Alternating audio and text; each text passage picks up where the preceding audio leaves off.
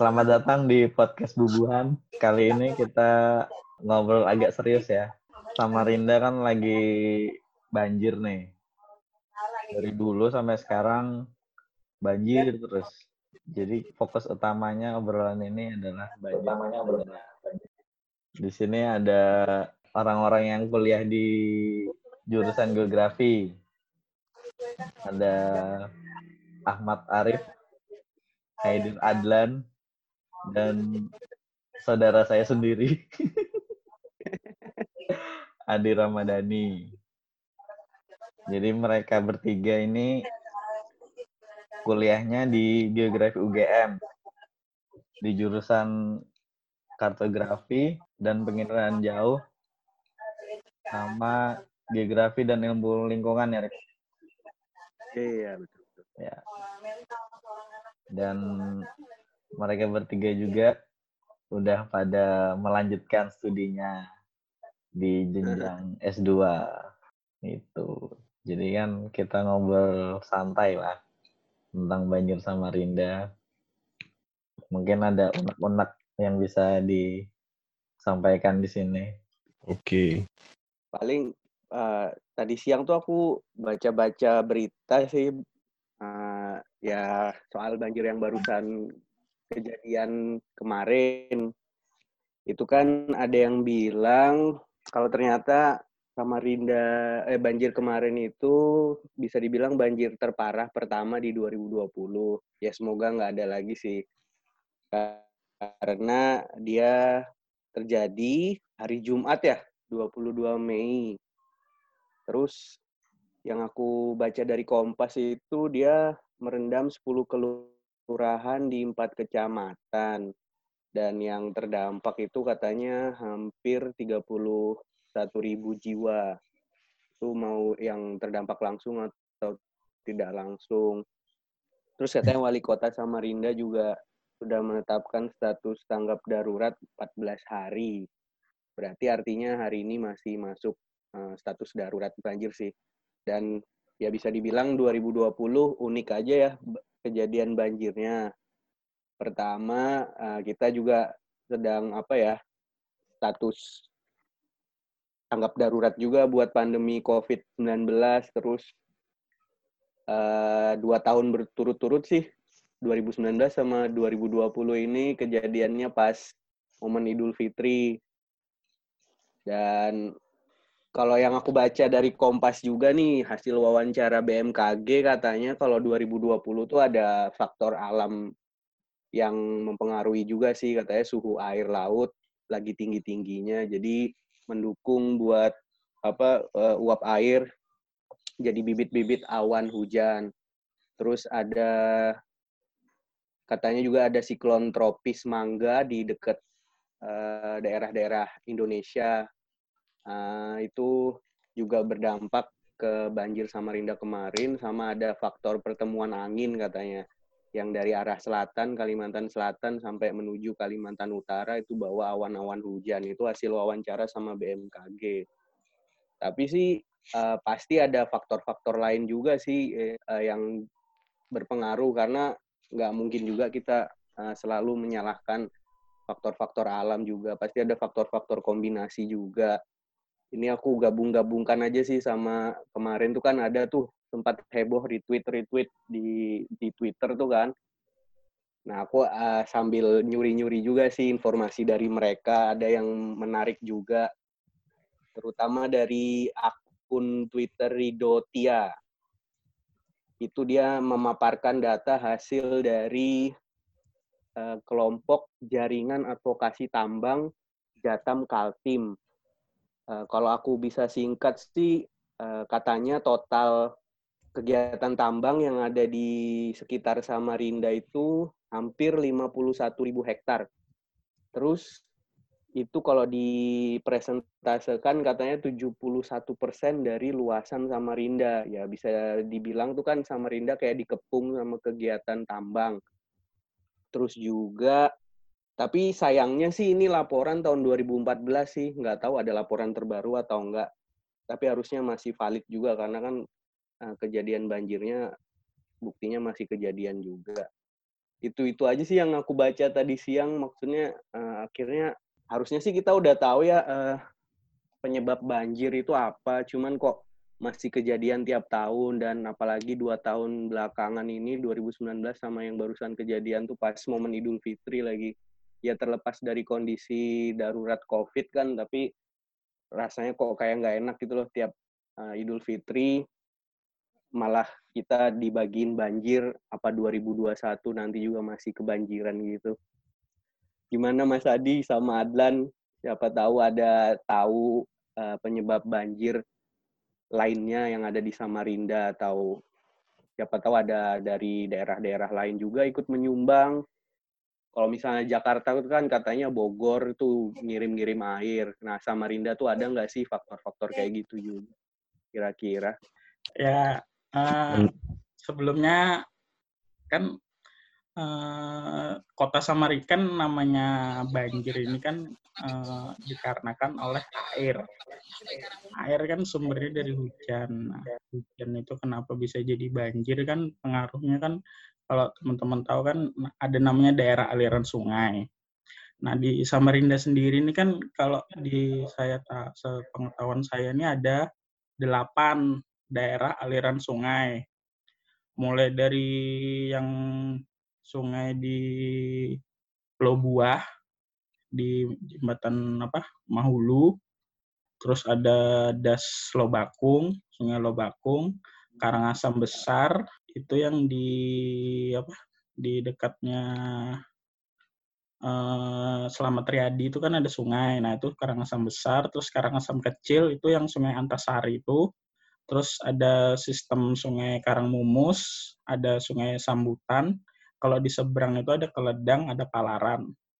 Nah, yang jadi pertanyaannya kenapa kok e, banjir ini kok selalu di satu sistem aja yang terlalu lama kejadiannya gitu loh di Karangmumus. Nah, itu jadi pertanyaannya. Kalau misalnya hujan kan e, biasanya kan memang hujan itu kan e, apa ya walaupun lokal tapi kan e, Samarinda ini kan uh, apa hujannya kan memang uh, keseluruhan Samarinda. Kenapa kok misalnya hujan waktu hari apa kemarin ya?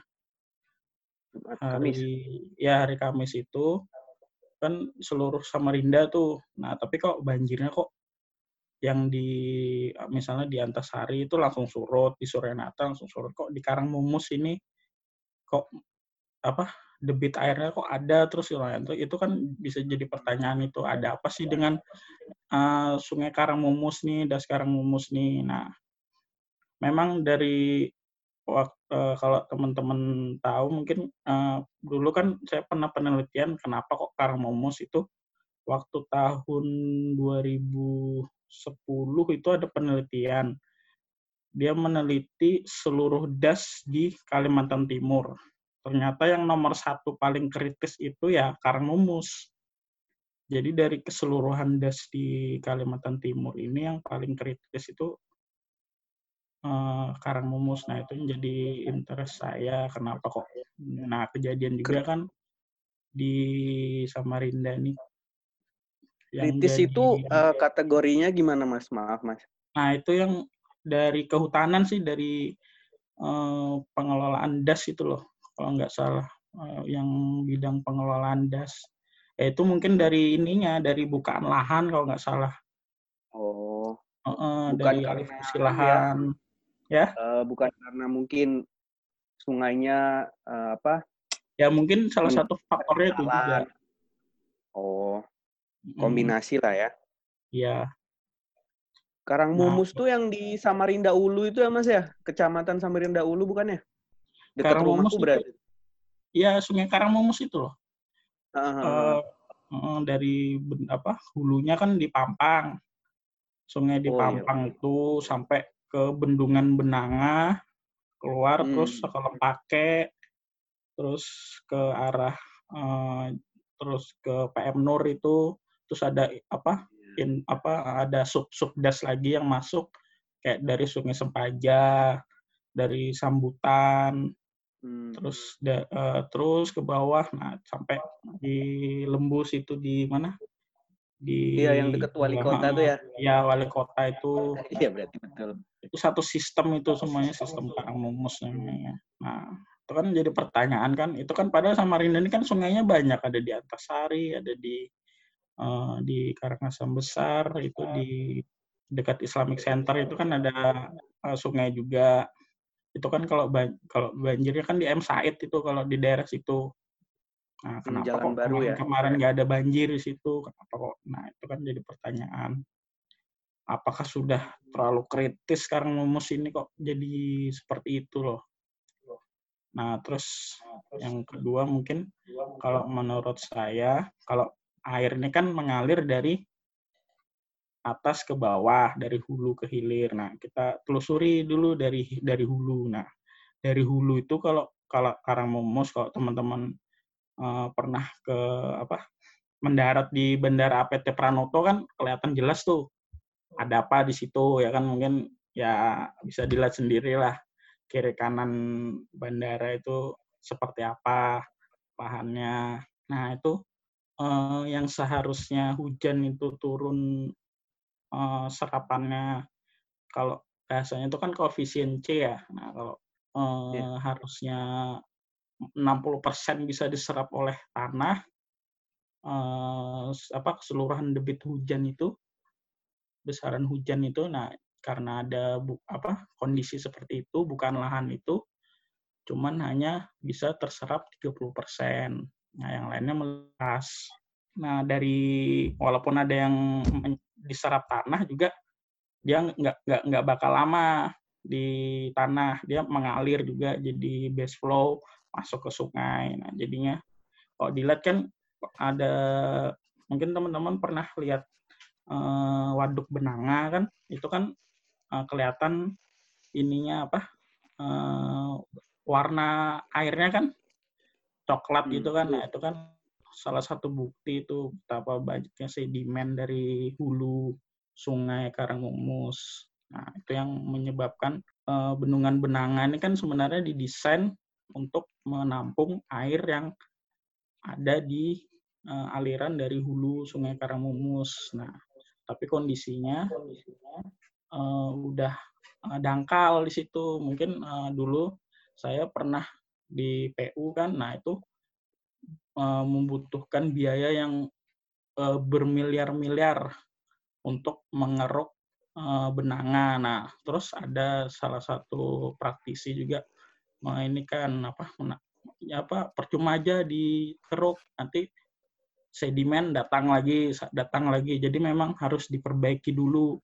Hulunya itu daya serap air di bagian hulu itu diperbaiki dulu.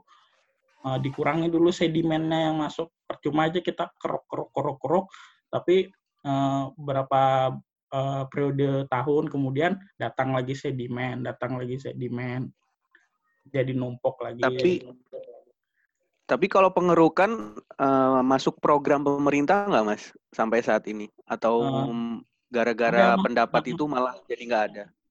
Mas masuk tapi lokasinya di sungai. Kayak kemarin kan di Gang Nibung itu kan kalau pernah lihat.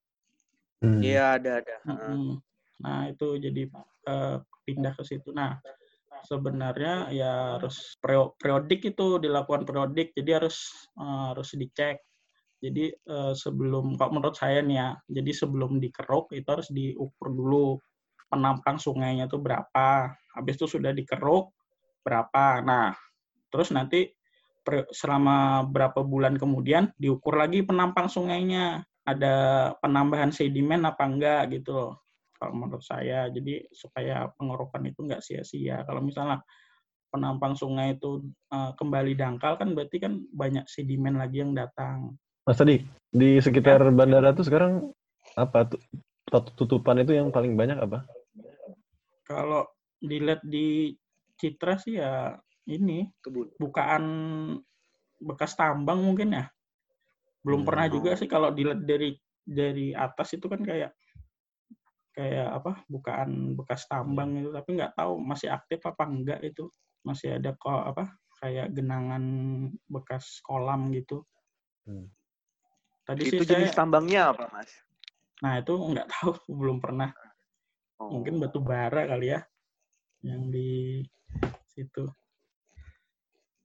Hmm. Nah itu terus uh, ini kan baru sampai Benanga, terus air ngalir lagi ke arah kota. Nah di kota juga ada masalah uh, banyak permukiman yang di sekitar sungai. Nah itu kan mengurangi kapasitas sungai itu harusnya sungai itu lebarnya misalnya 20 meter karena ada permukiman, kapasitas aliran untuk air mengalir ini jadi berkurang.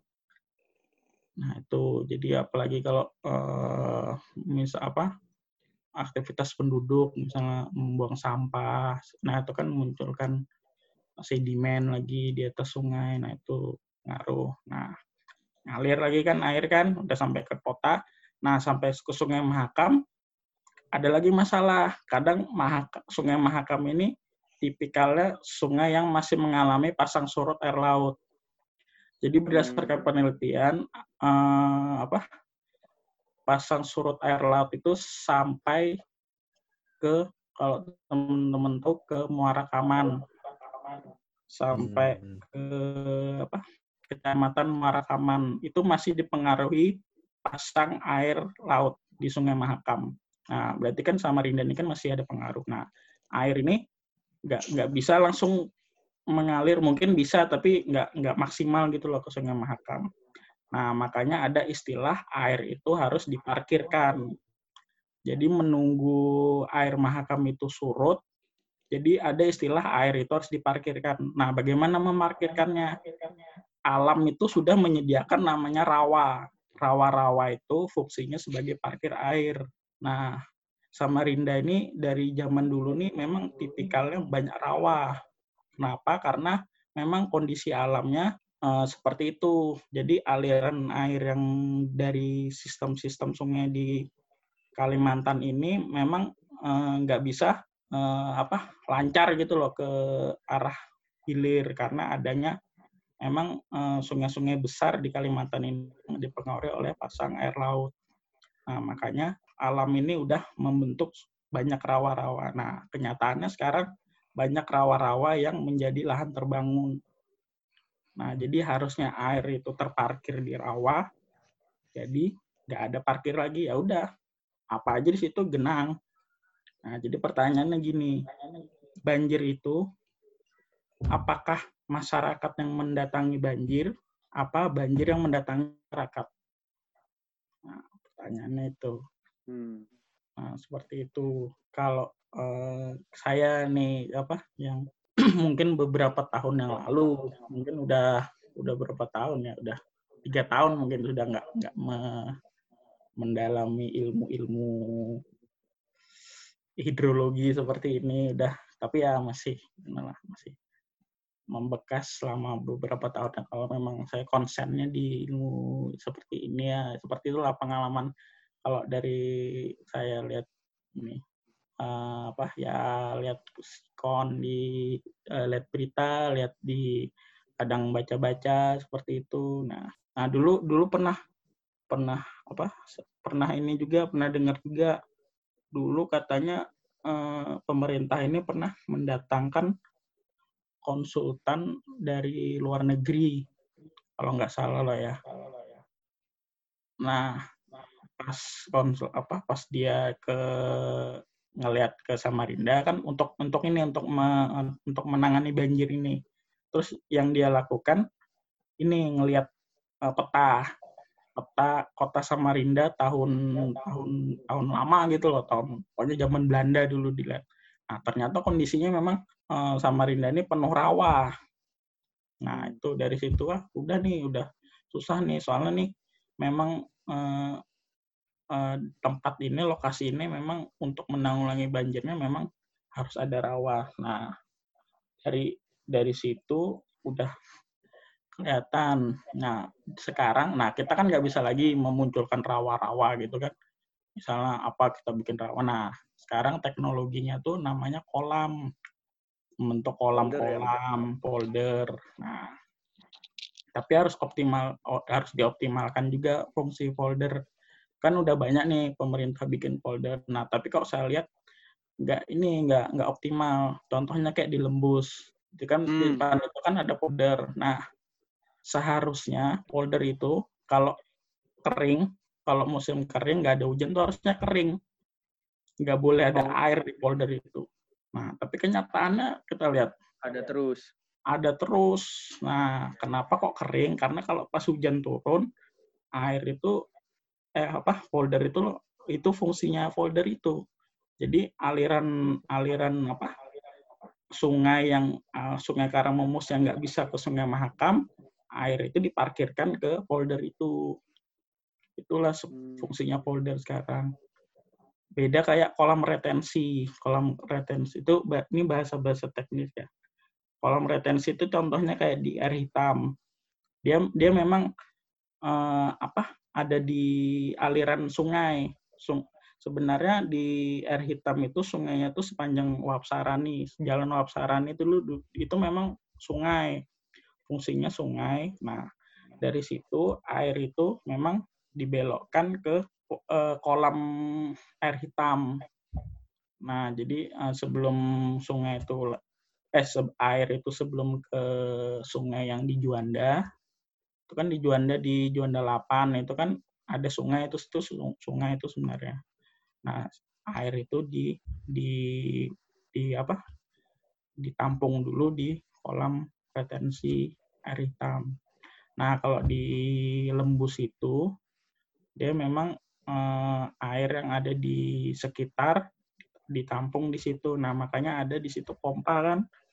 Ada pompa yang di dekatnya di jalannya di jalan M Yaminnya itu loh. Itu kan ada pompa. Nah itu sebenarnya fungsinya menyedot air yang udah ada di situ disedot. Soalnya kalau polder ini memang eh, tingginya tuh memang lebih tinggi daripada sungai. Makanya ada pompa untuk eh, men- menarik air dari polder eh, dari polder ke sungai ke drainase di depan lembus itu. Nah, sebenarnya gitu. Jadi harus ada operasi pemeliharaannya memang harus ada operasi. Jadi pas hujan air di situ udah selesai hujan, air udah enggak udah Hmm, selesai hujan terus sungai Karmomos agak rendah muka airnya, air dari polder disedot, dialirkan ke drainase, terus dialirkan ke Karangmumus. Jadi di situ eh, nggak ada air apa kosong gitu loh untuk menjaga-jaga kalau misalnya nanti hujan lagi. Seperti itu sebenarnya kalau yang saya tahu. Tapi nggak tahu nih apa ada strategi lain kah apa pemerintah kok dibiarkan ada airnya terus. Saya juga mau bilang bilang ke mana nggak ada kapasitas juga saya. Kenapa kok itu? aneh nah apa pompanya rusak kah bagaimana nah saya saya kurang tahu itu kalau ya pengetahuan saya harusnya seperti itu memang tahu memang kan Jadi ada kalau di anu kan kolam fungsi gitu kan kayak kolam gitu kan lembus kan berjalan ya ya. Optimal. Iya. nah mungkin Oke oke. eh, itu aja mungkin oh, eh, dari saya mungkin eh, perlu diupdate lagi dengan teman-teman yang lebih fresh ini. Kalau nggak salah skripsi Eh, mungkin kalau kan ada koreksinya mungkin kan nggak nggak anu mungkin ada saya yang kurang kurang benar apa ya, saling yang- koreksi aja sih mas. Enggak, Mas benar Iya, kok, benar. semua itu. Nah ini ini ada ya juga yang pengen aku tanyain sih mas sebetulnya. Eh, kan tadi aku ada sempat bilang soal sumbangan dari apa siapa tahu ada daerah dari daerah-daerah tetangga di Samarinda. Nah Jelas, kalau nggak salah eh, skripsinya Adlan tuh juga tentang perbatasan ya perbatasan ya Lan ya Mm-mm. antara Samarinda dengan Kukar ya. Nah, Mm-mm. sepengetahuanmu ada nggak tuh eh, dari skripsimu kemarin tuh eh, informasi-informasi tentang apa ya semacam ada nggak sih sumbangan dari daerah tetangga di Samarinda itu eh, ke isu banjir kita? Siapa tahu eh, apa ya kayak Bogor ke Jakarta atau daerah-daerah lainnya gitu ada nggak sih kira-kira apa jangan-jangan memang Samarinda aja nih jadinya eh, Hmm, iya. Kalau secara langsung mungkin penelitian dulu tidak cukup menjawab juga sih, tapi kalau ini pendapatku dulu ya sebelum menjawab pertanyaan Arif. Hmm, kalau aku sih meman- memandang itu apa ya? Kayaknya sebenarnya Samarinda itu tidak kekurangan tidak kekurangan orang pintar yang bisa mengkaji ini gitu. Tapi kan aku ngeliatnya itu bermula nih ya. Memang perubahan lahan sudah terjadi 90-an kan. Tahun 90-an sudah banyak bukaan lah. Tapi itu tuh puncaknya tuh kalau bisa disederhanakan sebenarnya itu kan muncul di 2000-an awal ya. Pas zamannya ini loh, apa? dese- desentralisasi 99 itu eh, saat aku rasa itu saat semua apa wewenang-wewenang izin usaha itu dilimpahkan ke daerah lah. Nah 2000-an awal itu kan banyak banget ya waktu zamannya Pak Ahmad, Pak Ahmad Amin itu itu Mm-mm. banyak sekali muncul inilah izin usaha tambang lah. Jadi kan kalau kita bisa lihat di tahun 2000-an tuh banyak orang kaya baru di Samarinda. Crazy rich crazy rich baru yang dapat sepetak petak-petak yang terpisah ya untuk pembukaan lahan dan orang itu kan bukanya juga itu gak dikelola secara perusahaan profesional kan jadi itu kan kayak kayak single UP gitu loh jadi Iya, iya. Eh, jadi pengelolaan apa eh, pertambangannya aku juga tidak dalam di ilmu tambang. Tapi aku rasa dengan scatterednya pengelolaan itu jadi aku rasa pasti hasilnya pasti ya bisa kita tebak lah. Itu yang pertama. Tahun 2000-an itu kayaknya banyak banget muncul izin usaha pertambangan di sekitar luaran apa sekitar boundary Samarinda lah. Yang Arif bilang tadi ya hampir mungkin lebih dari setengah wilayah Samarinda sebenarnya udah sold sold out gitu. Itu tinggal tunggu waktu aja dikeruk sebenarnya. Tuh. Terus kalau terkait pengelolaan aku mungkin Mas Adi bisa jawab sih sebenarnya. Aku rasa kalau be, apa eh, das itu kan sebenarnya lintas pasti akan lintas daerah. Karena kan apa eh, pembatasan daerah itu kan hanya di atas dunia maya aja ya di atas peta gitu. Sebenarnya kalau lembaga-lembaga kayak PU, BWS itu pasti kerjanya multi lembaga sih. Dan mereka juga pasti orang-orang ahli sangat di sana. Tapi aku sebenarnya pingin ini sih pingin bahas apa yang kedua ini tentang tekanan tekanan penduduknya enggak. Kayaknya itu juga salah satu sih. Kalau secara das kan Mas Adi sudah panjang lebar jelasin tuh. Yang kalau tekanan penduduknya juga lumayan sih. Sekarang tuh kan di pusat Samarinda sekarang tanah tuh nggak ada lagi gitu kan. Jadi para keluarga-keluarga baru ini yang membutuhkan rumah sederhana gitu itu kan pasti akan banyak butuhkan ini kan affordable house lah rumah yang terjangkau. tapi kan sekarang itu aku lihat ya di di Pak, di di daerah yang di luar agak keluar dari pusat kota itu banyak pemukiman baru yang dikerjakan sama kontraktor-kontraktor kecil menengah lah. mereka bebaskan lahan kemudian buka lahan gitu kan. Jadi dan pembukaan lahan itu juga aku rasa di nggak ada setauku ya. Karena aku juga suka bertanya di lingkungan pemkot gitu nggak ada SOP untuk pembukaan lahan gitu. Ibaratnya apa sih yang jadi faktor utama Pemkot itu bisa ACC buka lahan tuh mereka nggak punya mekanisme itu. Jadi asalkan oke okay, gitu secara izin mereka punya tanah buka ya silahkan gitu. Padahal kan kalau ada satuan khusus yang bisa menilai itu gitu ya maksudnya anak-anak di bidang hidrologi kah apa uh, uh, teknik lingkungan yang punya keilmuan di sana yang nilai itu itu sebenarnya nggak bisa dibuka dulu pak. Karena itu nyambung dengan subdas X gitu kan. Itu tuh mekanisme itu nggak nggak jalan. Jadi kalau orang-orang swasta pihak-pihak apa privat yang punya uang sangat banyak kemudian membeli sebidang lahan gitu ya dibeli gitu ya dibuka aja. Tuh itu legal legal itu bisa dibuka gitu kan. Jadi pemerintah nggak punya kontrol sistemnya di sana. Aku aku lihat sih kayak gitu. Jadi kayak misalnya kayak perumahan-perumahan. Kayak di mungkin di Alaya gitu atau mungkin di Citraland gitu kan. Itu kan uang-uang besar yang ya udah beli tanah buka aja gitu. Tapi kan kita nggak pernah ada kayak Pemko tuh ada nggak sih? Aku pernah tanya ah, mekanisme nggak sih pertimbangan sebelum mereka buka itu ya nggak ada.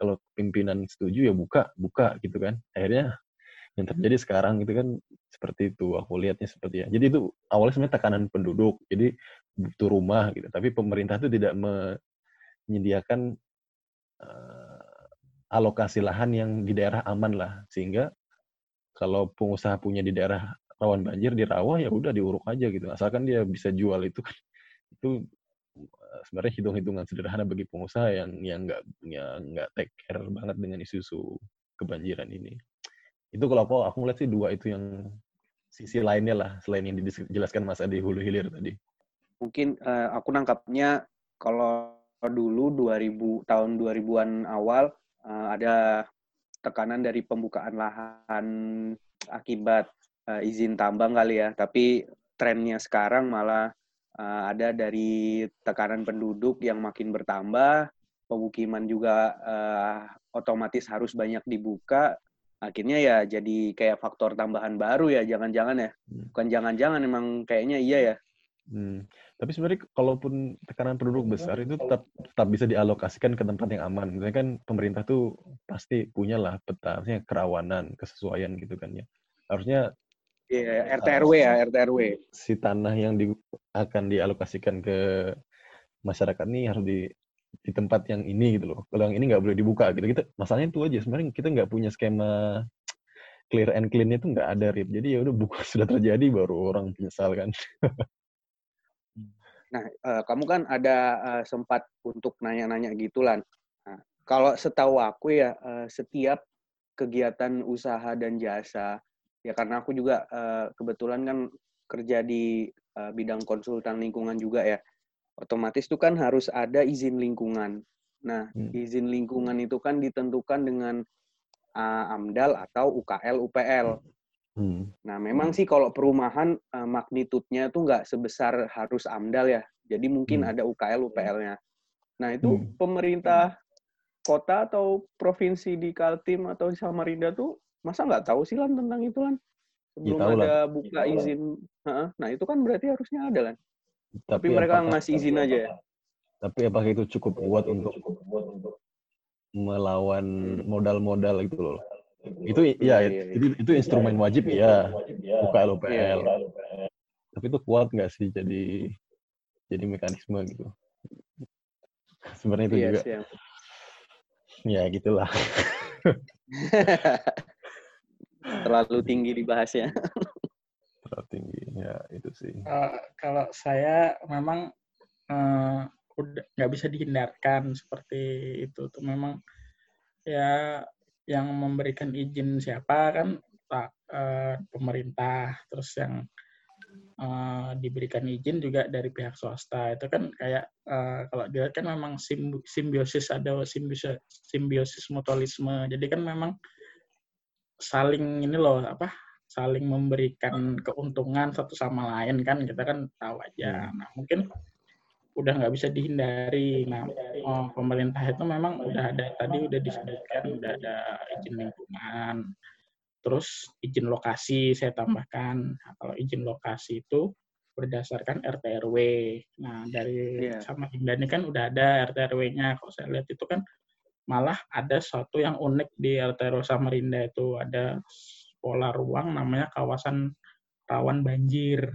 Nah itu memang udah udah ada di tapi ya nggak tahu di eh, dibuat sedemikian rupa kok masih tetap banjir itu loh dengan hmm. dengan dilihat kondisi kok banyaknya malah uh, pembukaan lahan itu. Nah kok menurut saya gini mungkin bagaimana model sistem bagaimana apa mencegah bukaan lahan memang udah nggak bisa dihindari. Tapi bagaimana uh, si pembuka lahan ini untuk menjaga lingkungan, kalau itu yang saya lihat. Uh, misalnya uh, lokasi itu dulunya uh, hutan, uh, banyak uh, apa tanamannya, jadi daya serap airnya itu tinggi. Nah, kondisi-kondisi seperti itu kan memang mengurangi limpasan air yang menyebabkan banjir. Nah, bagaimana misalnya pihak developer atau pihak penambang ini membuat suatu teknologi, misalnya eh, dibikin kayak eh, tampungan air di di lokasi itu. Jadi sebelum hujan turun, sebelum air itu mengalir melimpas ke hulu, nah ditampung dulu di atas sampai dibikin sumur resapan apa. Nah, contohnya kayak di perumahan Alaya itu kan air kan lewat-lewat aja tuh dari atas. Oh, lewat. Kalau nggak salah Villa Tamara aja ya Mas ya yang ada kolam nah. airnya itu ya Mas ya. Nah, kalau Villa Tamara mungkin untuk untuk uh, internal di situ aja itu kayaknya tuh untuk supaya nggak banjir gitu. Di luarnya tapi banjir tapi juga tapi sih. memang Villa Tamara memang kondisinya apa di atas itu dia memang di apa di atas di sungai Wapsara eh Wapsara ini kan sungai itu memang di atas ya itu mungkin salah satunya itu apa dibikin misalnya em, eh, tambang batu bara itu kan menyebabkan bukaan lahan menyebabkan banyak sedimen apa di dibangun cek dam cek dam nah kok cek dam itu kan eh, suatu bangunan yang berfungsi untuk mengendalikan sedimen. Jadi sedimen eh, aliran air itu eh, disaring sedimennya oleh namanya cek dam apa dibentuk apa dibangun cek dam cek dam di atas. Nah jadi itu nah jadi kan ada ada apa suatu upaya gitu loh dari si pembuka lahan itu yang untuk ya inilah kami sudah melakukan ini loh. Jadi eh, kami menjaga juga gini yang sebelumnya aliran eh sebelumnya hujan itu diserap tanah 60%, kami jaga 60 persennya itu. Tidak Hmm. melimpas ke hilir ke banyak. Selama ini kan eh, banyak kan di eh, apa di hulu-hulu das itu kan banyak bukaan-bukaan tambang itu kan. Hmm. dia nggak nggak nggak apa nggak ada suatu teknologi gitu loh. Jadi yang ya udah hujan air ya lewat-lewat aja gitu. Lewat-lewat banyak sedimen masuk ke sungai.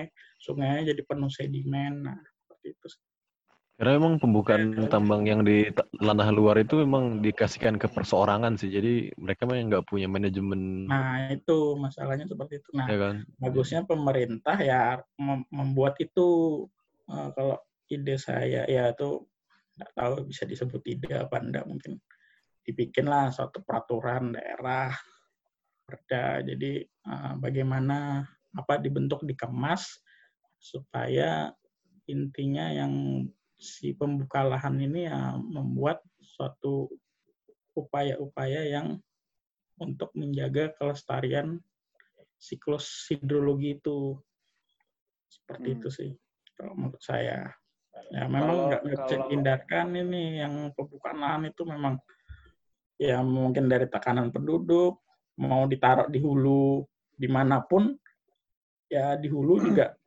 eh, bagian hulu juga nggak nggak anu nggak apa apa banyak menimbulkan dampak yang negatif. Di daerah hilir juga negatif juga daerah rawa misalnya yang harusnya air diparkir jadi ada dampak negatifnya karena ada lahan terbangun. Ya memang susah juga sih. Kalau dilihat ya udah Mas- penuh juga sama Rinda ini Kalau pengawasan-pengawasan sungai gitu tuh biasanya diserahkan ke siapa Mas? BBWS, PU atau lingkungan hidup Mas?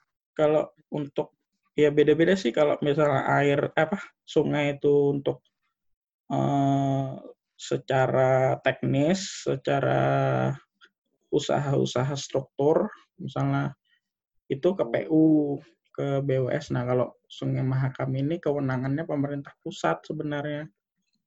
Sungai Karangmumus di Samarinda ini kan eh, anak Sungai Mahakam sebenarnya. Nah, Mahakam ini kan hulunya kan ada di Kaltara kalau teman-teman tahu, di Malinau, di Hmm. Sungai Boh kalau nggak salah ya. Di mana ya? Ya pokoknya di di Malinau lah karena sungainya tuh lintas provinsi jadi kewenangannya pemerintah pusat.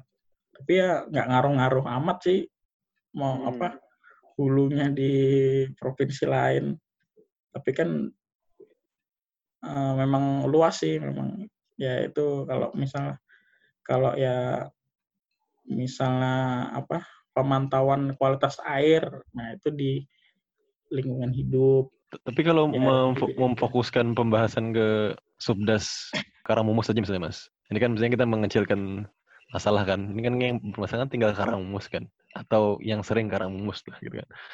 Kalau kita nelusurin sederhananya nelusurin ke hulunya sungai Karangmumus, sebenarnya faktor yang paling kalau dilihat-lihat ya, aku ada uh, informasi juga kalau yang paling banyak apa pembukaan di hulu Karangmumus itu ya sebenarnya permukiman ya itu kok saya dulu penelitiannya 2013 itu Hmm. emang ini sih bekas tambang. Tapi kalau eh, d- dari 2013 ke 2020 mungkin ya bisa jadi harus di harus ya harus di dicek lagi pakai eh, alat-alat ya semacam pencitraan satelit apa seperti itu. Mungkin ya kalau kita lihat jalan ke Samarinda Bontang ya memang ada sih memang kalau kita lihat di sebelah kanan itu kan ada perumahan itu kan. Hmm, Cak, ibu Nah, kota di- baru, ibu kota baru itu ya. Hmm, Oh, yang dekat bandara itu ya. kan itu kan baru kan. Nah, itu mungkin Ya. ya, mungkin bisa jadi itu. Banyak eh, bukaan lahan permukiman di situ. Itu apa karena juga eh, faktor bandara baru di situ, Mas? Jadinya banyak akhirnya yang lari ke sana itu. Nah, itu memang kalau ilmu hidrologinya tuh ada ya harus di harus di ini harus ada ada pembobotnya sih misalnya luas eh, ini ngomongnya teknis misalnya luas alir apa eh, tangkapan air namanya daerah tangkapan air jadi sungai-sungai itu kan. Ah, ah, catchment areanya itu kan ada ada ada orde satu, orde dua, orde tiga, orde empat. Nah itu kan harus perlu model perhitungan sih bagaimana pengaruh suatu eh, bangunan misalnya bandara itu terhadap ini ya memang harus ada ada hitungannya model apa akumulasi airnya flow accumulationnya itu ada ada ada perhitungannya. Jadi misalnya apa daerah itu lokasinya di mana, masuk masuk catchment area apa. Nah, dilihat faktor C-nya berapa. Nah, itu menghasilkan debit berapa. Masuknya ke sungai berapa. Nah, itu harus ada hitungannya sih. Kan Eh tapi Mas, tapi Iya. data da- data-data detail yang teknis itu sebenarnya apa sampai nggak sih ke orang yang ngambil keputusan sebenarnya? Itu kan yang mungkin para para, ah- para ahli itu itu itu ngerjainnya di BWS kan Mas, orang BWS kan Mas. i, kalau kemarin itu sih ya saling ngerjakan sih. Pemkot ngerjakan juga. Ada eh, studinya peng- eh, tahun 2014 itu kan ada studinya juga pengendala apa pengendalian banjir Kota Samarinda 2014 Pemkot ngerjakan juga. Pemkot eh, mengerjakan juga. Jadi BWS juga jadi ya memang terus di PU itu ada namanya konsultan manajemen sumber daya air Nah, misalnya ada proyek, misalnya di pembangunan apa ya, per- perkuatan tebing Sungai Karangmumus Hmm. yang di dekat wali kota itu kan dibagu- dibenerin Hmm, kan iya. itu kan. Nah, itu kan perlu ada studi kayak quick design gitulah namanya. Nah, itu perlu dilihat seberapa sih anunya. Hmm. Itu kan yang ngerjakan kan BWS. Nah, dari BWS sendiri yang membuat suatu uh, quick design seberapa ini pengaruh. Itu kan ada anunya. Jadi oh harusnya tinggi tebingnya itu berapa meter dari dasar ke atas. Nah, dibangunlah itu debit apa tebing itu. Jadi biasanya seperti itu kalau ke PU-an itu. Jadi sebelum mau apa membuat perkuatan tebing misalnya uh, drainase itu ada mungkin sebelumnya ada studi satu tahun dulu apa DED desain eh Detail. detail engineering design nah itu bisa juga kalau misalnya nggak bisa satu tahun nah, ada namanya quick design nah itu menghasilkan berapa sih eh, penampang saluran yang diperlukan ini jadi misalnya ada pelebaran saluran di jalan apa, nah berapa meter dalamnya, lebarnya, nah itu dari hasil itu studi itu sebenarnya itu ya masing-masing sih, misalnya proyeknya si BWS, BWS, proyeknya PU, ada PU apa punya studi. Soalnya kan sebagai ibu kota ini kan, jadi sebagai apa? Eh, Kalau dari kewenangan sungainya punya BWS. Tapi Hmm. kalau dari lokasinya ibu kota provinsi, eh, karena dia ibu kota provinsi, jadi pemerintah provinsi. Pemkot. Terus di situ juga pemkot, karena itu kota ada pemerintahannya juga sendiri, pemkot juga masuk. Jadi seperti itu. Eh, aku tuh ini ya apa sebagai orang awam ya masyarakat awam tuh kan ngelihat kayak selama 20 tahun si apa pemerintahan lah. Si bapak ini gitu kan kayaknya trennya itu kan trennya kalau sederhananya ya kan orang kan ini kan awam ya. Orang-orang kan bilang semakin sering banjir kita kan juga sulit ngomong-ngomong debit ngomong apa kan agak susah. Tapi kan yang terjadi kan semakin sering terjadi lah gitu kan. Aku tuh gimana ya apa terkadang berpikir juga sih apa eh, progresnya tuh apa ya untuk sebagai bentuk inilah apa mitigasi banjir itu. walaupun perhitungan tuh ada DED ada tapi kok itu yang maksudnya komunikasi ke publiknya itu dijawab dengan Kurang. dijawab dengan kunjungan apa bahasanya sih? Kunjungan apa? Kunjungan. Ke banjir namanya apa? Sid apa sidak apa namanya? Bansos. Ya kalau ada banjir baru tiba-tiba Tanggap darurat. Oh, tanggap darurat gitu kan itu Oh, itu itu kan respon yang didapat orang awam kan. Tapi kalau selama ini dat- datanya kan nggak nggak terbuka gitu juga apa progresnya berapa debit yang berkurang gitu nggak tahu juga sih. Iya, soalnya eh, biarpun aku memang beberapa tahun beberapa tahun ke belakang eh, jarang ya tinggal di Samarinda lagi. Eh, cuman aku sih ngerasa ya eh, selama kepemimpinan eh, pemerintah level administrasi kota ini sebetulnya karena aku eh, tinggal di wilayah yang terdampak sama eh, Sungai Karangmumus ini kalau banjir, sebetulnya pernah sih ada momen-momen banjir itu jarang kejadian gitu. Paling Hmm. ya memang beberapa tahun ke belakang aja banjir tiap tahun ada dan kenapa bisa kita bilang parah? Ya karena memang surutnya lama. Itu sih sebetulnya. Kita apa ya bisa dibilang bukan terbiasa sih sama uh, banjir. Cuman kita kayak merasa ya memang banjir tuh udah kayak uh, nasibnya Samarinda lah dan kita tinggal di situ ya udah kalau kena nggak apa-apa. Cuman uh, bukan bermaksud menormalisasikan perasaan itu ya, cuman kalau misalnya banjir uh, beberapa tahun ke belakang itu surutnya tuh lama loh. Contohnya tuh ya kayak 2019 sama yang barusan ini kayak lebih butuh waktu lebih dari tiga hari baru benar-benar uh, istilahnya tuh sat gitu loh. Air tuh benar-benar hilang dari jalan. Nah, padahal uh, sempat juga aku ngerasain uh, di bawah kepemimpinannya si bapak ini uh, pernah kok banjir itu cuma satu dua hari terus saat gitu loh. Kalau yang aku rasakan sih uh, solusi eh so, bukan solusi sih apa yang dia lakukan sih waktu itu mungkin bisa salah ya. Peninggian jalan sih. Itu tuh memang sebetulnya menurutku juga bisa jadi solusi tapi sayangnya solusi peninggian jalan tuh kayak cuman memindahkan air uh, sementara gitu loh. Akhirnya ujung-ujungnya ya kayak gini lagi kita nerima banjir lagi ya akhirnya surutnya jadi makin lama karena ya tinggi tinggi badan jalan juga makin nambah juga kan. Akhirnya air juga susah terserap. Kalau kalau misalnya dari Uh, pendapatku sih seperti itu. Dia dia memang pernah ada dan aku ngerasakan sendiri beberapa tahun itu pernah uh, banjir tetap ada, cuman kayak surutnya cepat gitu loh. Nah, cuman ya beberapa tahun sekarang uh, nanya-nanya informasi keluarga di rumah ya banjir itu kayak kemarin itu surutnya lama, dalam juga akhirnya dan ujung-ujungnya ya terdampak juga soalnya uh, yang yang aku ba sempat baca juga uh, wawancara uh, Tribun Kaltim ya kalau nggak salah tuh. Dia nanya ke dosen kehutanan gitu.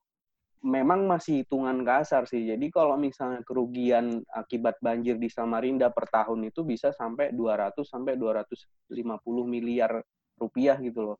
Ya wajar aja. Padahal banjir cuma empat uh, hari tapi kan semua terdampak gitu loh. Kalau misalnya banjir siapa yang bisa lewat atau siapa yang bisa beli? Listrik semua mati karena memang bahaya.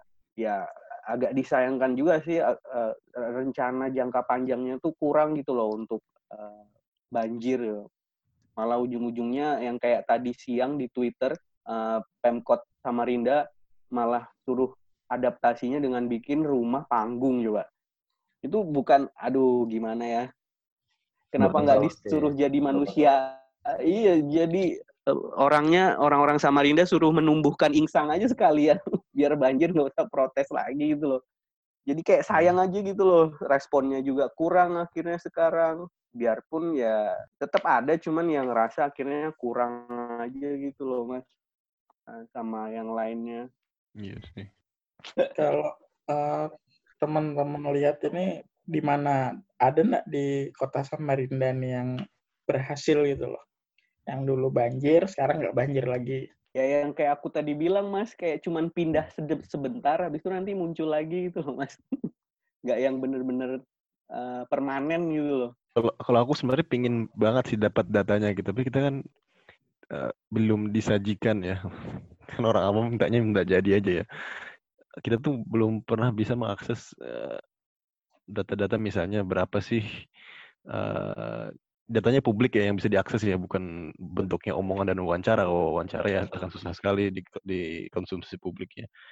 Ada sebuah portal sederhana yang menyajikan data-data open gitu yang di sini debit sekian, eh, genangan sekian, di mana saja gitu. Jadi orang tuh partisipasi publiknya kan juga bisa gitu kan terlibat nggak nggak cuma ngomong opini aja bahwa di sini tahun lalu ini tapi kan kita harus ngomong data yang terukur yang punya standar juga kan. Jadi orang tuh bisa partisipasi publiknya bagus juga. Tapi sebenarnya sederhananya ini kan solusi yang cukup awam umum juga ya kayak kalau Samarinda tuh punya kayak eh, semacam sistem monitoring perubahan lahan gitu yang cukup periodik gitu mas. Nggak kalau RT RW kan kita ngomongnya terlalu periode cukup lama ya kayak lima tahun. Kita baru disajikan peta perubahan tuh kan nggak make sense. Maksudnya revisi lima tahun sekali terus orang nih perubahan lima tahun. Ya lah pak ini sudah terlalu lama datanya. Kami mau datanya per bulan gitu kan misalnya. Jadi pas misalnya katakan daerah itu sebelum dibuka itu disajikan dulu ke publik. Jadi publik bisa nilai kan bahwa misalnya ada perumahan dibuka. Sebenarnya yang kalian tuh juga yang masyarakat tuh turut menambah keparahan ini kan dengan membeli tanah di sini gitu kan membuka lahan. Jadi proof proof make- apa SOP yang kayak gitu yang masih miss gitu. Sekarang itu masih ngomong hal-hal yang belum terukur gitu data apa hal-hal Iya, yang kita bahas tuh nggak terukur gitu. Di sini kemarin tahun lalu sebentar aja wal gitu. Sehari aja nih banjir tapi datanya kita nggak pernah pegang gitu. Mana sih yang berkurang genangan itu di mana gitu. Itu yang belum belum buka sih. Itu mungkin gapnya yang menurutku ya yang bisa diisi lah. Maksud itu kan hal yang sederhana sebenarnya.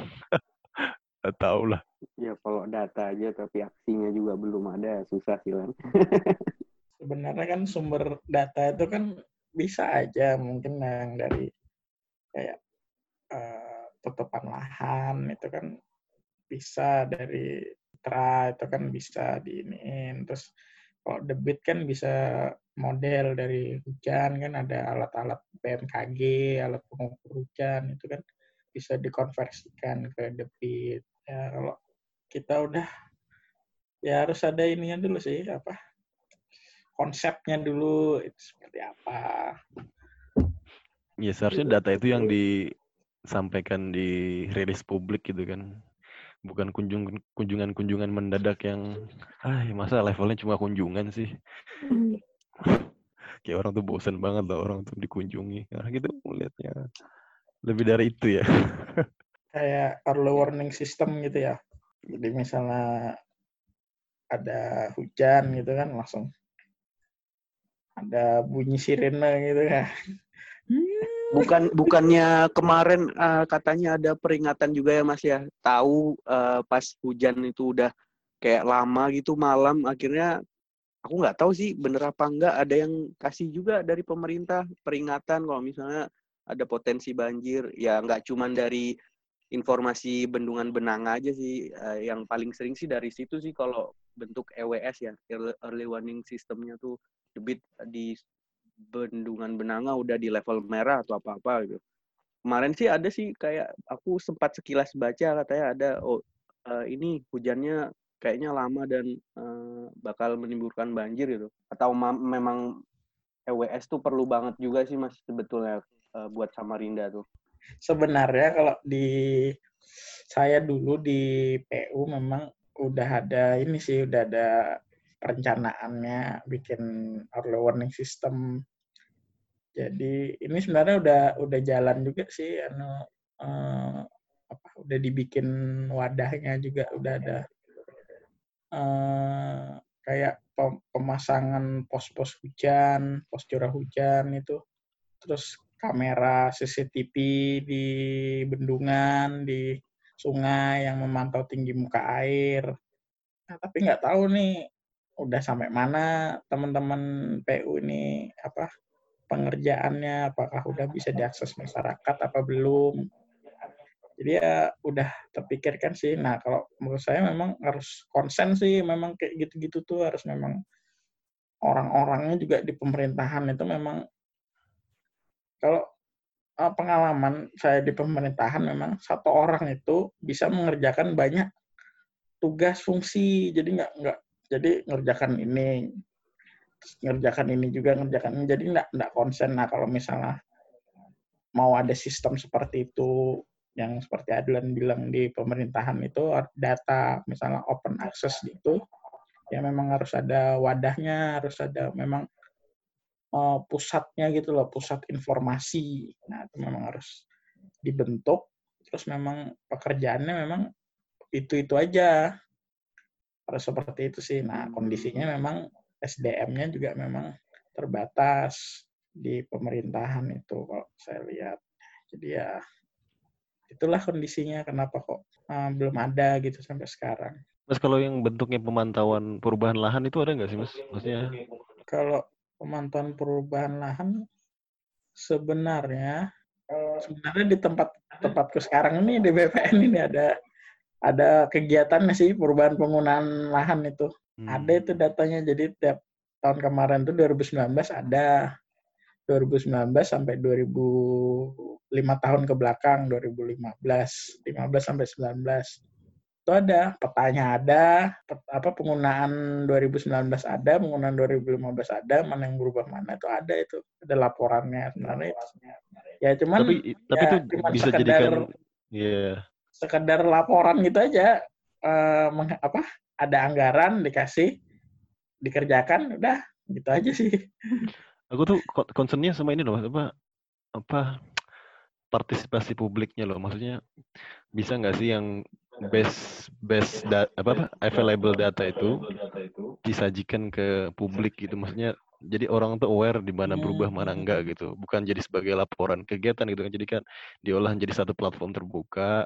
Jadi orang bisa hmm. monitor tuh yang seperti aku mention tadi kalau kita disajikan hanya lima tahun sekali per review RPJM sorry per review RT kan nggak lucu tuh lima tahun sekali kita disajikan perubahan lahan. Tapi kita bisa periodik kayak enam bulan sekali oh ternyata berubah nih di kecamatan Gunung Lingga itu ada perumahan baru tuh. Namanya misalnya uh, apa Citra Kasih misalnya kan. Orang tuh tahu dalam waktu sing singkat enam bulan jadi orang tuh bisa ngerespon tuh dengan sebelum musim hujan datang kan hujan datang kan asumsinya enam bulan sekali kan. Jadi orang tuh bisa ada proofnya bahwa oh di sana tuh buka lahan tuh uh, 70 hektar misalnya gitu kan. Jadi orang tuh di di di supply informasi yang real gitu. Aku tuh jadi kalau kalau kita misalnya di press conference atau kita men menanggapi sebuah berita kan kita tuh bisa ngasih data yang real gitu. Daripada kita bah daripada orang-orang tuh kan berhenti pada level ya banyak pembukaan lahan di sekitar Samarinda. Ya di mana? gitu kan berapa luasnya? Kita orang tuh nggak tahu di mana gitu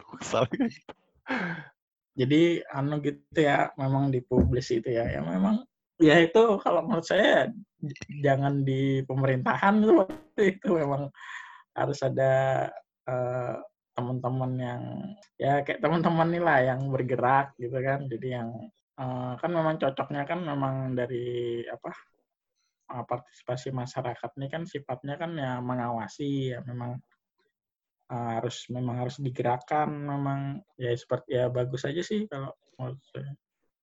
Jadi kayak dibikin sistem informasi gitu kan, jadi dipublis gitu kan, jadi orang-orang bisa ngakses, orang bisa tahu, bisa ngasih uh, informasi sini loh. Nah, jadi ya, ya harus kemasannya ya harus ini sih harus benar tapi kok dilihat ada nggak contohnya itu di kota lain misalnya di mana gitu?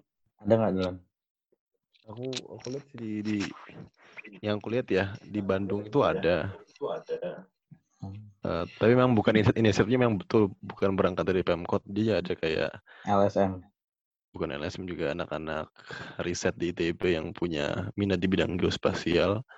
Ya dia buatkan itulah. Tapi kan memang itu kan ekspertis yang ada biayanya juga ya. Orang tuh nggak sulit untuk mewujudkan itu secara voluntary gitu loh. Jadi harus ada dukungan juga. Jadi harus harusnya bukan bukan harus menyebutkan harus harusnya juga tapi harusnya ada dana-dana seperti juga yang bisa diinvestkan supaya publik itu bisa ya, kembali lagi engage. ke anggaran harus hmm. ya gimana apa teman-teman mau sebagai pilot project ya menurut saya bagus bagus itu seperti itu itu jadi ya, fungsi pengawasan itu ya jadi jalan gitu jadi Iya betul, betul. Itu mungkin diawali dengan uh, penggunaan lahan nanti selanjutnya bisa ke kondisi apa existing misalnya ada laporan di apa dalam bentuk uh, dokumentasi misalnya kita misalnya uh, eh, BMKG udah menampilkan curah hujan harian misalnya bisa kita masukkan ke situ bikin sistemnya ya jadi anu tuh ide pian ide asli khusus kota Samarinda tuh.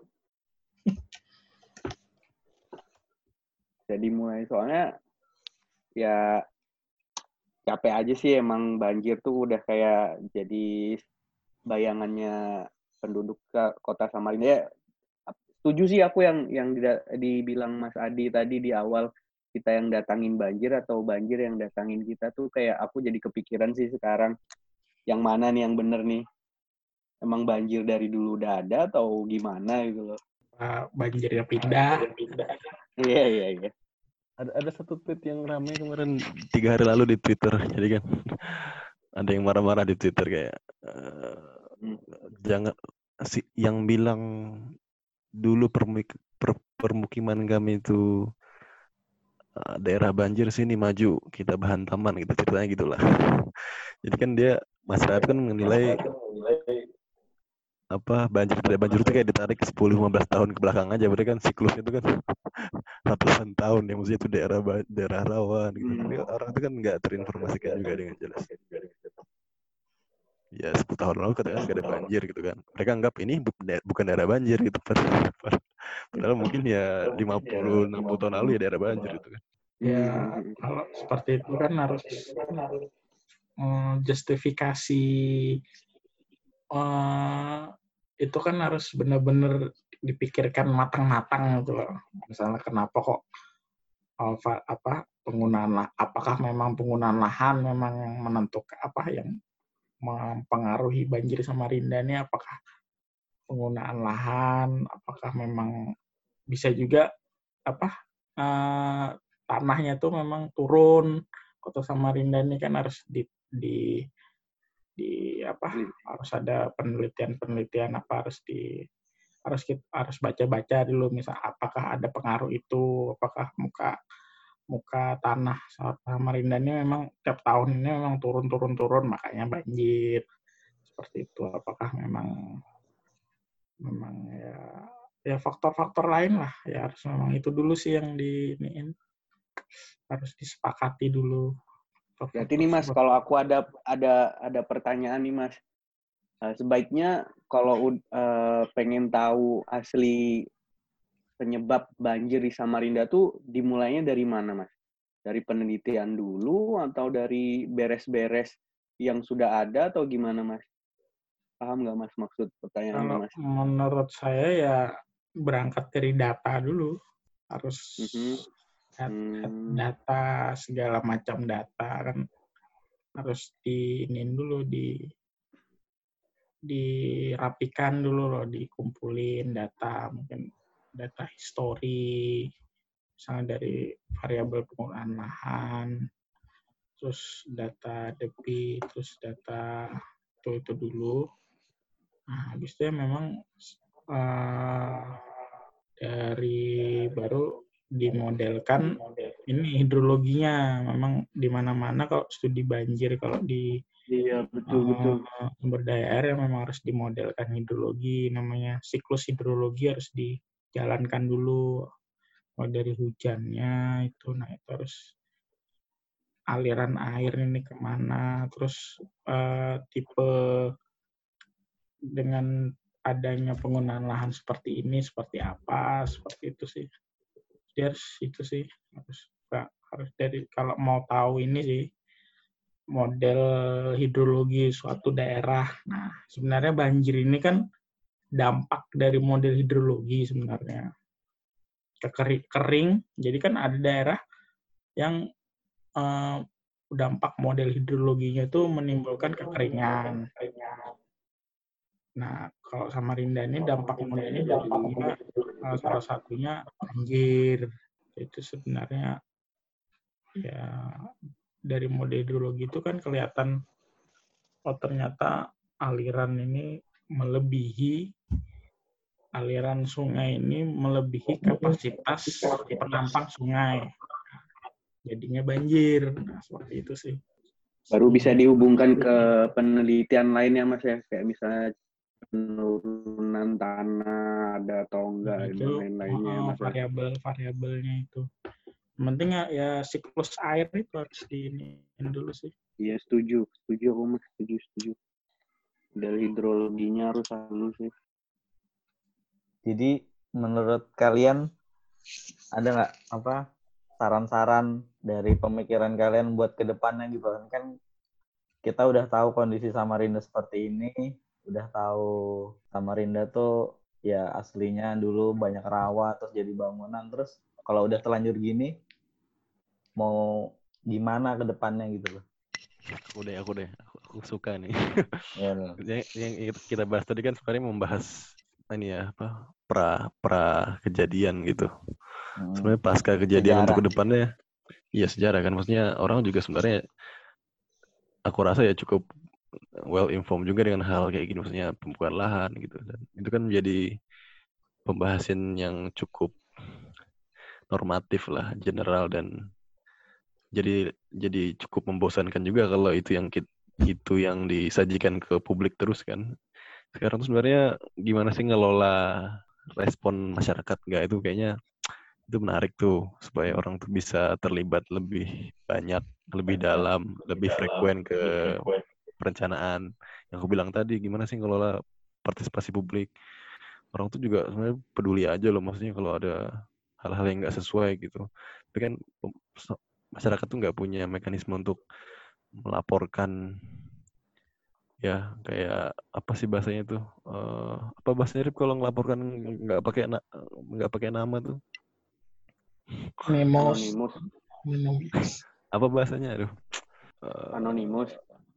ya itu ini ada mas apa istilahnya tuh? Ring ring apa ya? Aku lupa deh. Jadi orang tuh punya ini loh dikasih mekanis mekanisme yang jelas buat itu gitu juga sebenarnya penting juga kalau orang-orang seperti kita ini bisa membahasakan hal-hal yang rumit tadi ke bahasa yang sederhana gitu. Jadi kayak one on one-nya lah. Kita kan nggak mungkin ngomong komunikasikan debit say penampang sungai ke orang gitu kan. Tapi Ya. bisa nggak sih kita buat platform berbagi sederhana yang menjelaskan tesis Mas Adi kita rangkum dalam tiga menit video gitu kan?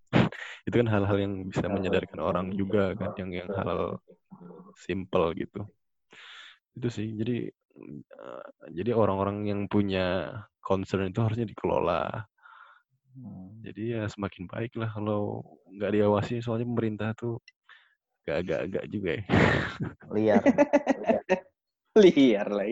Udah mau itu bagus juga ya. idenya video tentang apa ya tadi yang disebutkan keadaan Samarinda kenapa bisa banjir ya sama kayak yang sekarang lagi marah kan COVID-19 kenapa kan banyak tuh platform video-video yang dari mana dia berasal dari mana dia bisa menyebar gitu gitu kan dibikin video kan bagus Kayak Hmm, iya tuh. yang sekarang ini aku belum ada lihat kok Ya, itu video yang menjelaskan sederhana tentang Ah, anu ya eh, tentang peran. Iya. peran Buat- anu peran bottom up. Iya. buat video yang bisa dipahami sama nenek-nenek atau acil-acil di pasar. Nah, itu pakai bahasa mengkomunikasikan Banjar, bahasa Kutai. Iya. itu tantangan tuh eh, gimana membahasakan tesis Mas Adi yang mendalam itu ke acil-acil di pasar. Nah, videonya ini lebih ke eh, apa persuasif mengajak masyarakat apa mem- mem- memberikan informasi apa seperti apa ya, ya aku, dulu aku, ya. aku rasa kayak gitu bahwa yang terjadi itu juga sebenarnya contohnya ya, sebenarnya tidak baik-baik saja. Faktornya ini ini ini gitu kan. Kita tahu semua orang tuh terlibat dalam kekacauan ini gitu kan. Jadi orang tuh juga sadar gitu ya. Iya. Tuh kamu tuh beli rumah klaster di bekas X Rawa. Di Gelatik misalnya. Loh, Gelatik itu rawa loh. Kenapa dibuat jalanan? Di, di- ada apa izin membangun IMB-nya keluar. Kamu nggak tahu sih secara PPN-nya gimana. Tapi Gelatik tuh yang mana ya lu tahu? Agak-agak lupa. yang futsal tuh dari Oh iya. pemuda pemuda itu tuh jelas Hmm. banget rawa rawa gitu. Setelah rawa jadi rumah, terus orang marah-marah gitu kan. Kenapa banjir di sini Pak Wali? J- Kalau kita bisa sajikan hal yang sederhana gitu, ya. ada perubahan lahan dari tahun 90, ada citra kan tahun 90, dibandingkan sama tahun 2010 sederhananya gitu kan. Ya normal aja lah banjir. Terus kalau di Bengkuring tuh dulunya apa? Rawa juga ya? wah itu nyata itu rawa itu Iya. Kuring dalam terus. Nah itu.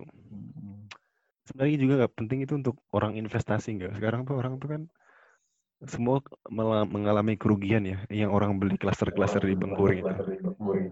Harga rumah misalnya 300 jutaan. Itu kan asuransi iklimnya nggak ada ya. Eh, aku, ada eh, aku ada informasi tuh eh, pernah pernah dengar kalau sebetulnya pihak asuransi itu juga pakai GIS gunanya yaitu dia dia nggak mau eh, memberikan premi asuransi ke orang-orang yang memang dia tempat tinggalnya tuh beresiko gitu loh. Ya rentan ya. Iya. Kalau soal asuransi menurutku orang-orang Bengkuring tuh susah sih biarpun mereka punya uang buat bayar poli asuransi. Biasanya asuransi udah tahu kalau memang itu daerah rawan jadi ya nggak nggak bisa asal klaim juga kalau misalnya eh, mau gitu loh. At least informasinya itu ngasih tahu ke publik, Rip. Jangan beli klaster rumah yang berada di subdas yang ada di rawa misalnya gitu kan sederhananya kan. Berarti kamu berhadapan sama satpam komplek itu. Loh, kalau dia beli rugi juga loh. Beli rumah di Bengkuring 300 400 Ya juta. makanya itu dia sih. Itu kan sederhananya orang. Kalau orang nggak mau peduli sungai terserah. Artinya ya udah kamu sadar aja jangan beli rumah di situ. Kalau aku sih menurutku eh, ya Adlan eh, nyumbang info untuk ada partisipasi lebih dari masyarakat ke pemerintah biar ada faktor eh, kontrolnya juga. Eh, mungkin aku mau nambahin dari eh, sisi pemerintahnya sih kita udah tahu eh, apa persoalannya ya mungkin polder diperbanyak mungkin pompa-pompa rumah-rumah pompa juga makin ada diadakan di setiap anggaran uh, yang mau dibuat dan lain-lain sih. Kalau dari yang lainnya aku nggak tahu sih. Uh, maksudnya kan ini peran bersama, jadi uh, nggak nggak nggak ya top down sama bottom up lah istilahnya itu. Uh, it- itu dulu sih, maksudnya pemerintahnya juga aktif, warganya juga aktif, biar ya nggak berharap juga sih dalam waktu singkat banjir itu langsung musnah ya. Seenggaknya terkurangi lah biar misalnya ada banjir satu jam dua jam udah hilang gitu kan karena banjir ini juga eh, isunya kan bisa ke mana-mana nggak cuma ekonomi kesehatan juga. Habis kena banjir gatel-gatel atau kesetrum listrik lah dan lain-lain. Silakan mas atau angga lanjut. Gimana Mas? ya kalau saya ya ya udah diwakilkan teman-teman ini. Eh, saran-sarannya ya seperti itulah memang ya. Kalau saya lihat memang udah sebenarnya kalau dari dulu memang ada peningkatan sih maksudnya masyarakatnya semakin cerdas semakin tahu ya kita apa banyak yang ngasih masukan harusnya seperti ini. Terus kayak eh, pembukaan lahan itu kalau ini khusus, khusus tambang ya memang ya. Karena pemerintah itu memang yang dulunya izin tambang itu di pemerintah kabupaten kota, sekarang udah di pemerintah provinsi. Berarti ada fungsi mengurangi banyaknya izin tambang yang dikeluarkan yang tidak terkendali. Nah, itu udah ada usaha-usaha pemerintah. Mungkin nanti selanjutnya izin pertambangan itu di pusat. Nah kan dulunya di kabupaten kota diambil alih provinsi, mungkin nanti ke pusat apa gimana. Nanti ya itu kan suatu apa suatu usaha lah dari pemerintah. Nah terus ya kalau dilihat uh, infrastruktur banjir ini kan udah banyak lah pemerintah ini udah uh, udah ada pembangunan infrastruktur banjir kayak uh, Karangmumus ini kan udah ada usaha-usaha perbuatan tebing, udah ada penertiban perumahan eh permukiman yang kayak di sebelah uh, belakang pasar Segiri itu kan udah ada usaha penertiban, nah, udah ada inilah effort dari pemerintah lah untuk menanggulangi banjir ini. Udah di relokasi itu ya? Nah itu nggak tahu itu relokasi kah apa? Ada info nggak? Kota Iya, tanpa unsur. Mau Digusur ya? tapi banyak premannya juga kan itu kan ladang uang sebenarnya. Oke, oke. Betul, betul. Nah, Jadi nggak semudah menggusur itu sih jadi banyak aspek sosialnya yang harus dihadapi oleh Pemkot. Nah, itu mungkin harus di, di, diperkuat lagi konsolidasinya gimana pemerintah ini untuk kan masih panjang nih karena mau ini permukimannya kan yang di pinggir-pinggir apalagi yang di Sutomo itu kan apa gimana. Ya mudahan aja masyarakat yang ada di situ ya semakin mengerti eh, dampak banjir ini mungkin bisa dengan mereka menggeser tidak ada di atas muka air sungai itu bisa mengurangi itu. Ya seperti itu mungkin kalau saya lihat eh, anggaran-anggaran pemerintah atau pengendalian banjir ini kan sudah cukup lah ah, cuman masalahnya mungkin dulu tuh di di PU ada anggaran 600 miliar itu multi years 2011 12 13 kalau nggak Eh, provinsi ke 600 kota mas? Hah? Provinsi ke kota. Iya, pengendalian banjir kota Samarinda 600 miliar. Tapi Hmm. yang tidak 100% terserapnya. Cuman berapa ya? Berapa ratus apa 200 miliar gitu yang Hmm. terserap yang dananya itu yang bisa dibangun sebagai infrastrukturnya. Apa masalah utamanya? Pembebasan lahan. Karena di Samarinda ini kita mau bangun saluran drainase, tapi ada rumah di atasnya. Kita mau bikin polder, tapi ada bangunan di atasnya, ada apa. Nah, seperti itu. Bahkan tanah-tanah pemerintah pun susah, eh bukan susah sih, maksudnya yang memang eh, konflik sosial di masyarakatnya memang nggak bisa dihindarkan. Udah mereka, alasan mereka, mereka udah ada di situ udah lama. Ya, seperti itulah pemerintah udah menyiapkan anggaran. Kayak di proyek Pemkot ini kan ada kota tanpa kumuh namanya. Itu yang Jadi World Bank ya? oleh World Bank. ha. Hmm. Itu kan apa? Tanpa kumuh. Kota tanpa kumuh, kotaku. Search saja di Google itu. Itu penyumbang dananya tuh World Bank, Bank Dunia. Nah, itu di ini sih di PU, di Pemkot dananya tuh ada.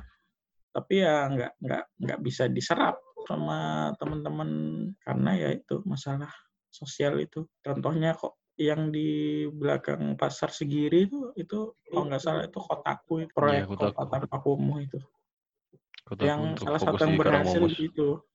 Hmm. Memang konsennya kotaku tuh di Karangmumus. Ber- berhasilnya tuh gimana mas? Dipindahkan atau ada Nah apa? Mas? ini Pemkot nggak tahu nih saya nggak ngikutin ini.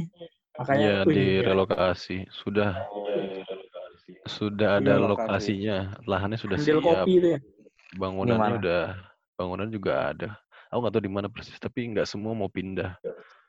Jadi kan orang dipindah itu akan kehilangan akses ekonomi dia. Jadi penggantian rumahnya itu di, dibilang nggak sepadan dengan apa yang hilang Balik. dekat pasar gitu kan. Hmm. Oh. Tapi sebenarnya lahan dan rumahnya sudah, menurut info ya sudah siap, tapi orangnya nggak mau pindah karena di sana akses ekonomi dia nggak Hmm, sebanding dengan apa yang hilang. Mata pencahariannya apa gitu kan di situ Hmm. kan.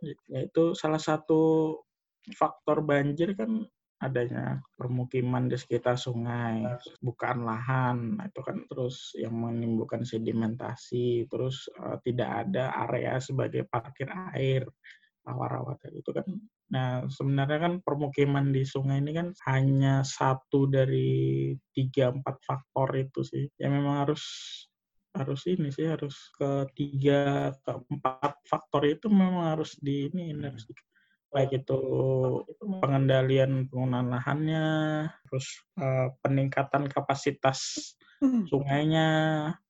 Oh iya btw mas, ada data nggak sih terkait hilangnya sungai? Jadi kan tadi si Angga sih ada ngirim ada buku sejarah gitu kan, buku histori Samarinda lah. Jadi kayak ditemukan 30-an sungai yang hilang. Sebenarnya tuh confirm juga sih kalau aku ngobrol sama orang tua kan. Daerah dulu SMA 2 tuh ada sungai cukup besar dan itu udah hilang, sungai itu hilang loh. Iya, jadi, jadi salurannya. Iya, jadi salurannya kecil banget jadi katakan nah, 10 persennya aja gitu. Ya itu sebenarnya perlu juga ya tuh contohnya sama kayak rawa tadi di hmm. Tadi itu dulu rawa jadinya itu ya memang bisa bisa sebagai ini juga yang dapat ditampilkan untuk tadi yang dibahas tadi sistem informasi tadi hmm. sungai hilang pindah ke jalanan airnya ya lah sungai eh air nyari tempat Benar tuh air tuh ngalir-ngalir aja dari tempat tinggi ke tempat rendah. Yeah. Air mengalir sampai jauh. Kodratnya emang gitu, Mas. Nah, emang gitu kok. Kita Kodratnya yang, air emang. Dia kan air mengisi tempat-tempat yang kosong. Itu aja. Air mengalir. Udah, teorinya kan gitu aja.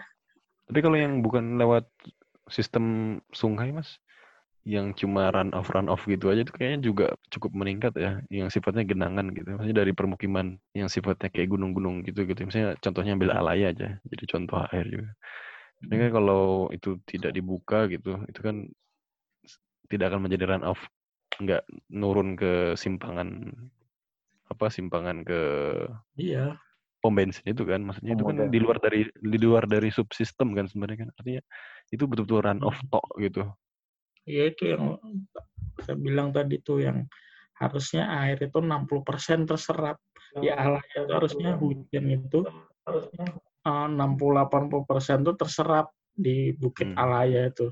Tapi kenyataannya sekarang hanya 20 persen yang terserap 80 persennya itu ngalir. Nah jadi aliran. Hmm. seperti itu pernah ada yang negur nggak mas dari perangkat pemerintahan ke pengembang gitu hmm. Wih. Gak tahu ya. Berat ini, berat pertanyaan. berat. Tergantung tuh. Cuman paling negur itu cuman sebatas uh, laporan. Gitu Dulu tuh pernah ada sebenarnya namanya tuh pengendalian penataan ruang, pemanfaatan ruang, pengendalian pemanfaatan ruang. Nah itu memang ada publikasi, oh ini loh bangunan-bangunan yang melanggar tata ruang. Nah, itu memang udah habis itu cuman dikasih tahu aja nggak ada tindak lanjut sebenarnya ya hmm. tata ruang ini ya harus di difungsikan sebenar-benarnya sih ya kayak tadi misalnya kawasan permukiman itu udah ditentukan lokasinya di sini sini sini sini nah kayak di daerah apa tangkapan air itu jangan difungsikan sebagai kawasan permukiman. Jadi fungsi pengendaliannya itu ya di situ sebenarnya. Jadi pengembang-pengembang itu memang nggak bisa ini lagi udah di lokasi-lokasi itu. Kalau misalnya masih ada space kosong di Samarinda ini. Ya kan ya. Seperti itu sih. Makanya nah eh, ada peningkatan juga RT RW kota Samarinda ini kan udah udah berapa kali konsultasi publik itu udah tanya ditampilkan di mana-mana udah berapa kali rapat terus mengundang banyak kan berapa kali konsultasi publik kan seperti itu kan ya memang bagus sih. Kalau hmm. dulu-dulu kan kayaknya nggak nggak anu jadi data itu langsung ada gitu nah tata ruang itu. Nggak ada verifikasi ngeceknya gitu loh maksudnya. Nggak langsung dari teman-teman yang membuat langsung jadi tiba-tiba gitu. Kok sekarang kan udah ada kayak step-step konsultasi publik itu menurut saya penting juga sih jadi tahu gitu loh memang oh memang di sini nih yang nggak boleh ada permukiman oh di sini nih yang cocok nih ada permukiman Terus juga kalau aku perhatikan ini dari dulu tuh ada nggak sih kayak diskusi mahasiswa sama peneliti tentang bagaimana banjir Samarinda ini bisa diatasi gitu-gitu. Ada nggak sih kalian tahu? Kayak info itu nggak pernah terdengar. Sebenarnya kan bagus kan kalau ada seminar gitu, diskusi. Tapi kok selama ini kayak nggak ada. Hmm. Iya, iya betul. Ya ruang-ruang itu belum Iya, ruang-ruang ada itu aja di. Samara. Belum belum Sebenarnya menjadi sebenarnya Ah, ada dulu namanya tuh rembuk banjir, pernah denger nggak? enggak. Nah, saya juga Kapan nggak tahun pernah berapa itu. Tahun 2000 berapa ya? 17 17 apa 18 gitu nah. Siapa aja orang Mas? Yang ngadain itu Pemprov. Dulu Hmm. zamannya Pak Awang itu rembuk banjir. Dulu tuh acaranya tuh di kolam air hitam itu loh. Tuh semua rakyat itu datang semua. Coba cari di di googling tuh ada itu rembuk banjir 2014 Di Lama juga. 2014 rembuk rakyat gitu loh. Masalah banjir. Jadi pada di masyarakat Samarinda bisnis. tuh ada komunitas-komunitas sungai gitu kan? ada peduli sungai apa terus gerakan memungut sampah Nah, Karangmomo eh Sungai Karangmomus Iya ada kayaknya ya mas ya memang ya. Hmm. ada gerakan Ya. memungut sampah gitu. Iya. Cuman Ada ya, cuman ya kayak kita nih mungkin kita diskusi bahas ini teori udah berhenti Iya, buat aja. kita kita aja Oh, gitu ya. iya. Enran yang- aja. Ini kan kira buat kita kita juga.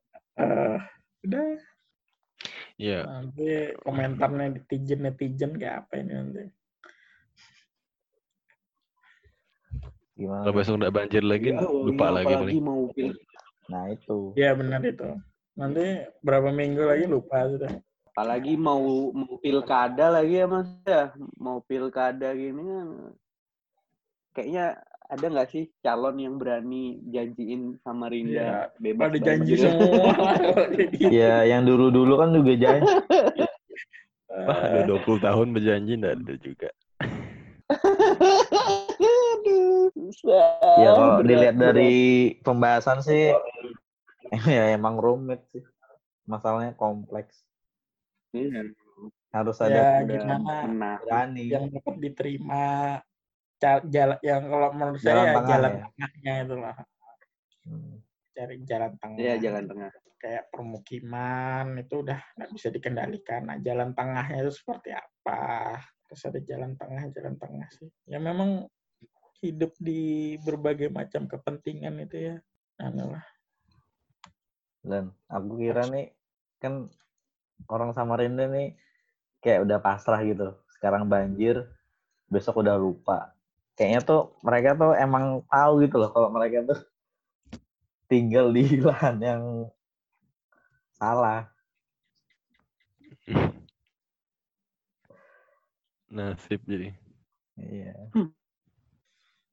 ya udah nyaman manusia susah keluar dari zona nyaman Hmm. Udah ada lagi yang mau disampaikan mungkin? Ada lagi Duan? Ya, aku berharap banjir berkurang sih. Biarpun nggak bisa hilang, seenggaknya bisa cepat surut lah atau apalah. Sama diskusi-diskusi kayak gini, biarpun ujung-ujungnya nanti dikonsumsi sama kita-kita aja, ya siapa tahu nanti bakal kedengaran kan sama yang Ya, punya kepentingan. seenggaknya kan kita tahu sedikit informasi, terus paling nggak kita nyebar ke penting. teman-teman yang dekat gitu. Jadi mereka biar tahu juga. Ya, ada lagi nih. Udah satu jam lebih. Cukup lah. satu jam ya. Cukup ya ini ya. Jadi tindak lanjutnya gimana nih?